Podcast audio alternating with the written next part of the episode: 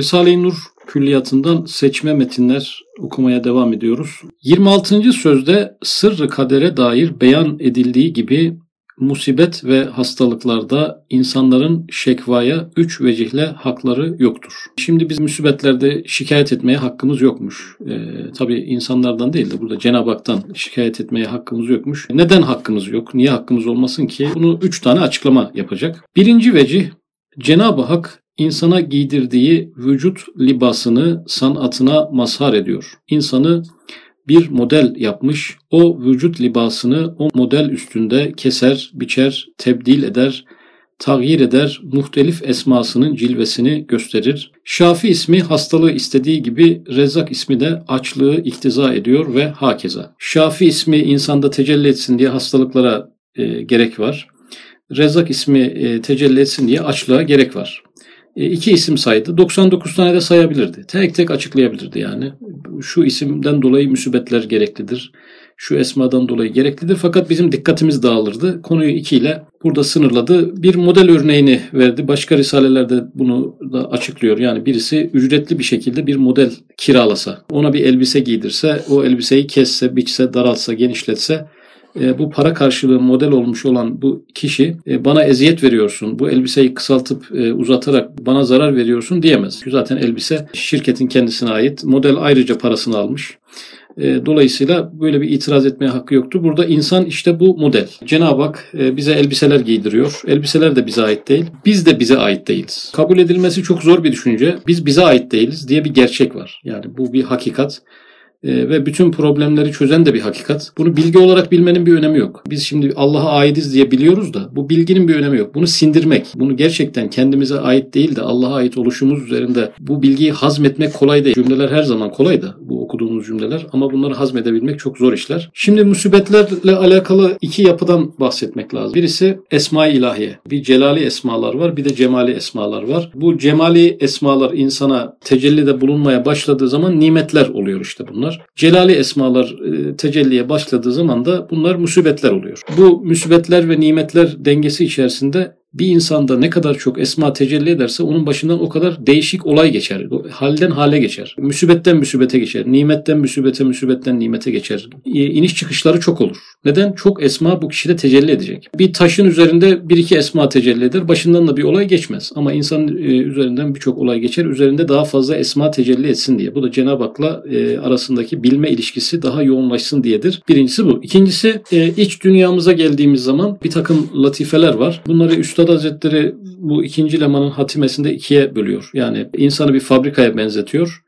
nimetler geldiği zaman dönen çarklar var. Bir de musibetler geldiği zaman dönen çarklar var. Yani latifelerimizi ikiye ayırıyor. Nimetle çalışan latifeler, musibetle çalışan latifeler.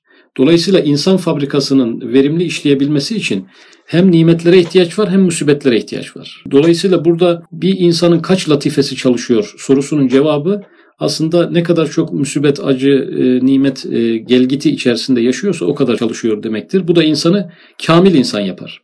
Çarklarının yarısı çalışmayan insan kamil olmaz. Dolayısıyla sürekli nimetlere boğulan insan da kemalata e, erişemez. Biraz nimet olacak, biraz müsibet olacak. Hayat böyle gittiği zaman insanı daha yükselten, daha çok latifesinin harekete geçtiği bir hayata doğru sevk olmuş oluyor. Hakeza malikul mulki yetesarrafu fi mulkihi keyfe yaşa mülkün sahibi yani bizim sahibimiz mülkünde dilediği gibi tasarruf eder. Cenab-ı Hakk'ın mülküyüz, Cenab-ı Hakk'a aidiz. Ee, Cenab-ı Hakk'ın varlığıyız. Fakat karışıyoruz yani. Allah'ın bize yaptıklarına karışıyoruz. Halbuki mülk ona ait. Dilediğini yapar, dilediği gibi tasarruf eder. Bu noktada bu da hazmı zor bilgilerden birisi.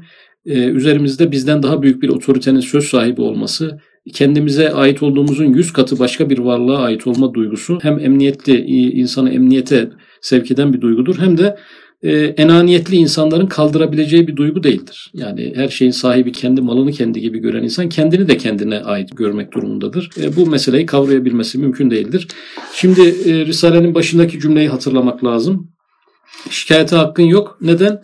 Çünkü sen bir modelsin yani. Sen Allah'a aitsin. E, nasıl şikayet ediyorsun? Senin şikayet diye e, ben acı çekiyorum dediğin e, acıyı çeken her nerense, ruhunsa, kalbinse onlar da Allah'a ait. E, o zaman şikayete bir noktada hakkın kalmamış oluyor. İkinci veci hayat musibetlerle, hastalıklarla tasaffi eder. Yani saflaşır, kemal bulur, kuvvet bulur, terakki eder, netice verir, tekemmül eder, vazife-i hayatiyeyi yapar. İnsan, insan musibetlerle, hastalıklarla tasaffi eder. Ne oldu? İnsan saflaşır. İnsan musibetlerle kemal bulur. Yani olgunlaşır. Müsibet çeken insan olgunlaşır. Kuvvet bulur, terakki eder, yükselir, netice verir, tekemmül eder, vazifeyi hayatiyeyi yapar. Yani hayattan beklenen, yaşamdan, insanın e, yaşam sahibi, şuur sahibi olmasından beklenen görevleri yapmaya başlar bu müsibetler sayesinde. Yeknesak istirahat döşeğindeki hayat hayrı mahsulan vücuttan ziyade şerri mahsulan ademe yakındır ve ona gider. Yeknesak istirahat döşeği arkadaşlar e, böyle bir hayat düşünelim. Hiç acıların olmadığı, hiçbir problemin yaşamadığı, her istediği şeyi yiyip içebildiği, her istediği yere gidebildiği. Böyle bir e, hayat e, Üstad Hazretlerine göre bu adem sayı. Adem yokluk demek. Yani yoklukla akraba, yokluğa doğru bir kayış. Aslında adam yavaş yavaş yok oluyor. Farkında değil yani. Bizi var eden şey arada yitirdiklerimiz, kaybettiklerimiz, üzüldüklerimiz, yenilgilerimiz, mağlubiyetlerimiz birden var olduğumuzu hissediyoruz yani. Ama her şey yolunda gittiği zaman insan yavaş yavaş yokluğa doğru gider. Aslında bu bir kelam felsefesi, uzun bir ders. Oraya çok girmeye gerek olduğunu düşünmüyorum. Burada Üstad Hazretleri hayat böyle yeknesak olursa yokluğa doğru kayar gider. Artık yok farz edebileceğimiz insanlar e, ortaya çıkar. O müsibetlerin olmayışı e, insanı yok eden, yokluğa doğru sürükleyen belki yangın olduğu için bir şekilde bunlara ihtiyaç olduğunu ifade ediyor. Üçüncü veci şu dar dünya meydanı imtihandır ve dar hizmettir lezzet ve ücret ve mükafat yeri değildir. Madem dar hizmettir ve mahalli ubudiyettir, hastalıklar ve musibetler dini olmamak ve sabretmek şartıyla o hizmete ve o ubudiyete çok muvafık oluyor ve kuvvet veriyor. Her bir saati bir gün ibadet hükmüne getirdiğinden şekva değil şükretmek gerektir. Dünya bir mükafat yeri değil dedi. Ücret yeri değil, lezzet yeri değil, keyfü sefa yeri değil. Dünya bunun için yaratılmadı. Ne için yaratıldı? İmtihan için yaratıldı, ibadetler için yaratıldı, hizmet için yaratıldı. Peki lezzet ve mükafat yurdu neresi? Orası da cennet. Cennette o konuda bir eksiklik yok. Lezzetin ve mükafatın bir e, eksikliğini hissettiğimiz bir yer değil. Orada o tam veriliyor ve ebediyen veriliyor.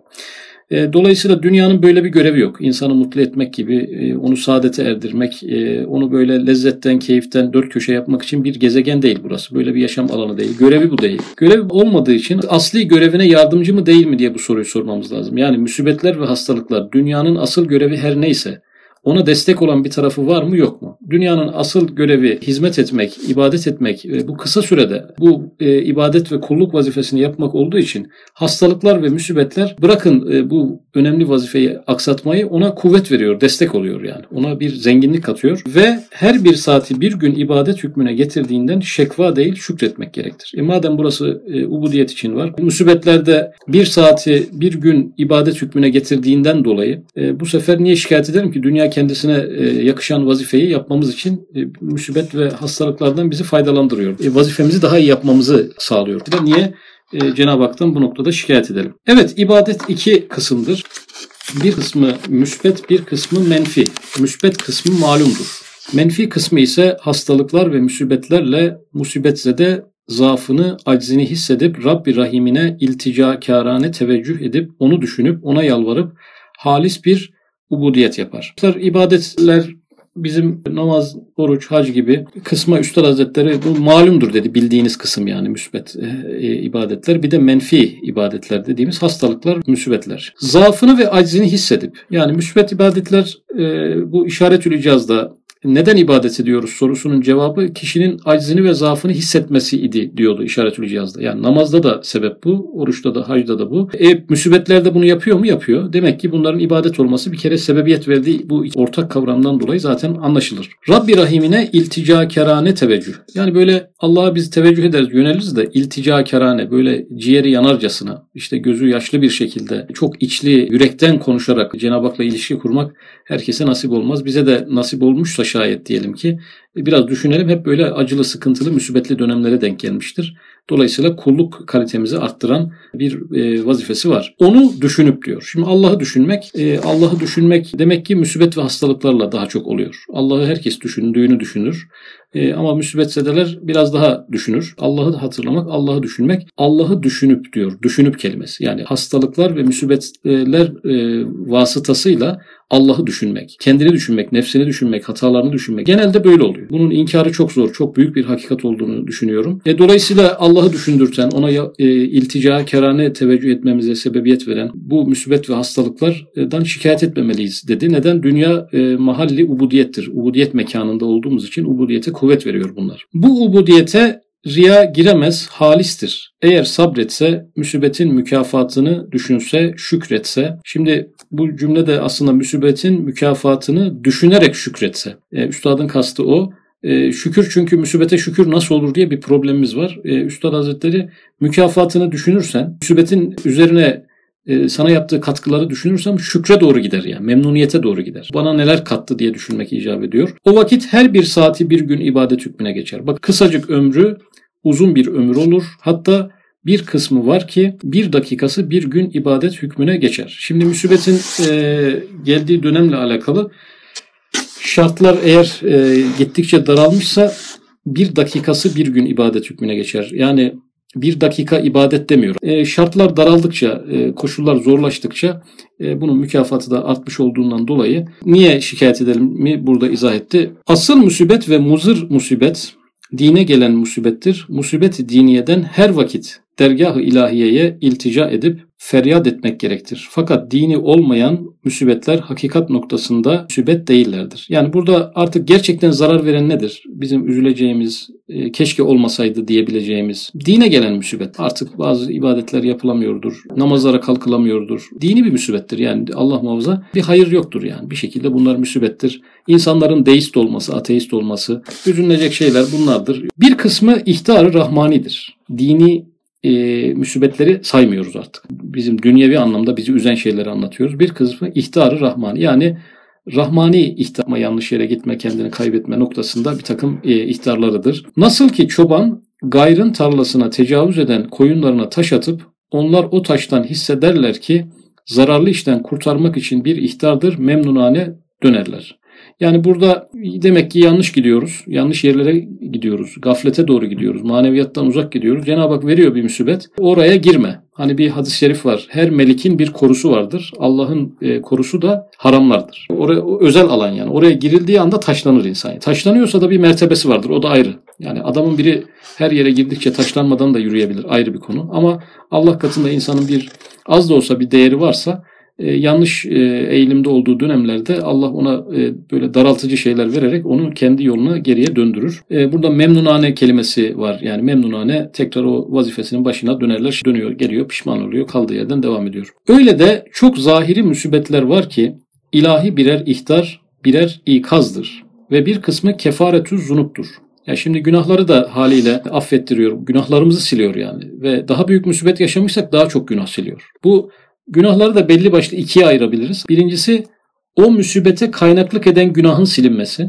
Yani bir günah işleriz. O günah yüzünden bir müsibet gelirse o günah silinir. Birincisi o. İkincisi de bir başka günahın silinmesi. Durduk yere bir müsibet gelir. Suçumuz da olmadığı bir dönemde. Ama gider işte 5 yıl önceki, 10 yıl önceki günahlarımızı temizlemeye başlar. Kaynaklık ettiği günahı değil de başka günahları da temizlemeye başlar. Ve bir kısmı gafleti dağıtıp, gafleti dağıtıyor demek ki müsibetlerin bir kısmı. Ne demek? Hissizlik, duyarsızlık, vur duymazlık, kalpsizlik.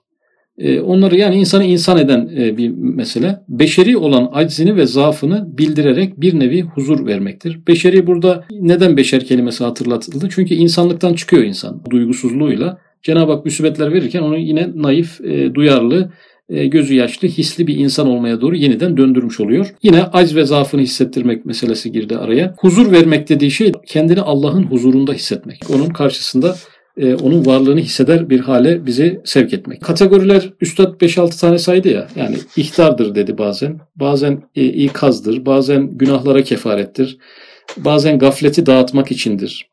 Bazen dinlendirmek içindir. İşte bazen insanın mertebesini arttırmak içindir. Bazen başka insanları anlayabilmesi içindir. Diyelim böyle 100 madde sayalım. Ama bir musibetin hangisi acaba bana, bana gelen musibet bunlardan hangisi sorusu zor bir soru. Ama her birinden bir miktar da var yani. Sosyolojide bir kanun vardı. Bir olayın birden çok nedeni vardır. E, bizim başımıza gelen bir musibetin de birden çok nedeni vardır. Mesela diyebiliriz ki en sağlıklı bakış açısı bu bence. Başıma gelen bu musibet günahlarımı kefaret oldu e, gafletimi kaldırdı, derecemi arttırdı, e, gelecekteki bazı e, süreçleri hazırladı. Sadece bir değil yani belki onlarca hikmet birden e, tecelli ediyor. Onlarca sebepten dolayı başa bu geliyor.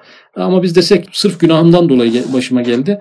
E, bu eksik bir yorum olur yani. Sadece günahtan dolayı değil, başka birçok şey de işin içerisine giriyor ve bir müsibete sebebiyet veriyor. Müsibetin hastalık olan nevi sabıkan geçtiği gibi o kısım müsibet değil, belki bir iltifatı Rabbanidir. Bir tathirdir. Rivayette vardır ki ermiş bir ağacı silkmekle nasıl meyveleri düşüyor, sıtmanın titremesinden günahlar öyle dökülüyor. Böyle sarsıcı hastalıklar. Her zamanın bir hükmü var şu gaflet zamanında musibet şeklini değiştirmiş. Bazı zamanda ve bazı eşhasta, şahıslarda bela, bela değil belki bir lütfu ilahidir.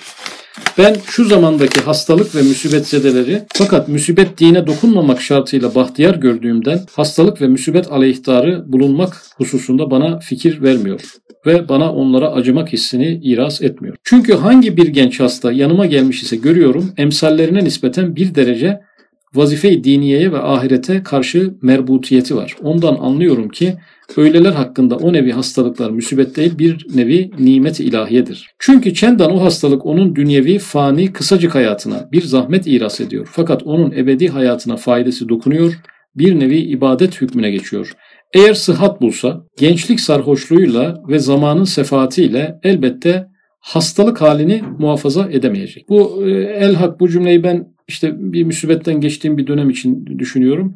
E, oradaki manevi hali şu an muhafaza edemiyorum yani. Oradaki yaptığım ibadetleri yapamıyorum. O duygusallıkla yapamıyorum, o kalitede yapamıyorum. Ne oldu? Muhafaza edemedim. O musibetin verdiği dönemin e, sağladığı kulluk ortamını muhafaza edemedim. Belki sefahate atılacak Allah muhafaza. E, hem o duyguları kaybedecek, ahiretini kaybedecek. Üstad Hazretleri insanların ahiretlerine üzülüyor. Yani dünyevi kayıplarına e, o kadar da kafayı takmıyor. Dünyevi e, acılarına o kadar kafayı takmaya gerek yok. Kaybedilen şey okyanusta bir damla yani. Yerini de Allah çoğu zaman da misliyle dolduruyor dünya hayatında bile. Ama çok sevdiğimiz insanların çektikleri acılarda e, bu ebedi kazançlarını kendimize düşündürtüp e, onları biraz da tebrik etmeliyiz. E, onlar adına sevinmeliyiz de. Onlara bazen hani e, müsibet istenmez. O kazandıkları mertebeden dolayı özenmeliyiz de. Yani bunların hepsi ahirete bakan şeyler olduğu için Üstad Hazretleri böyle bir bakış ortaya koymuş.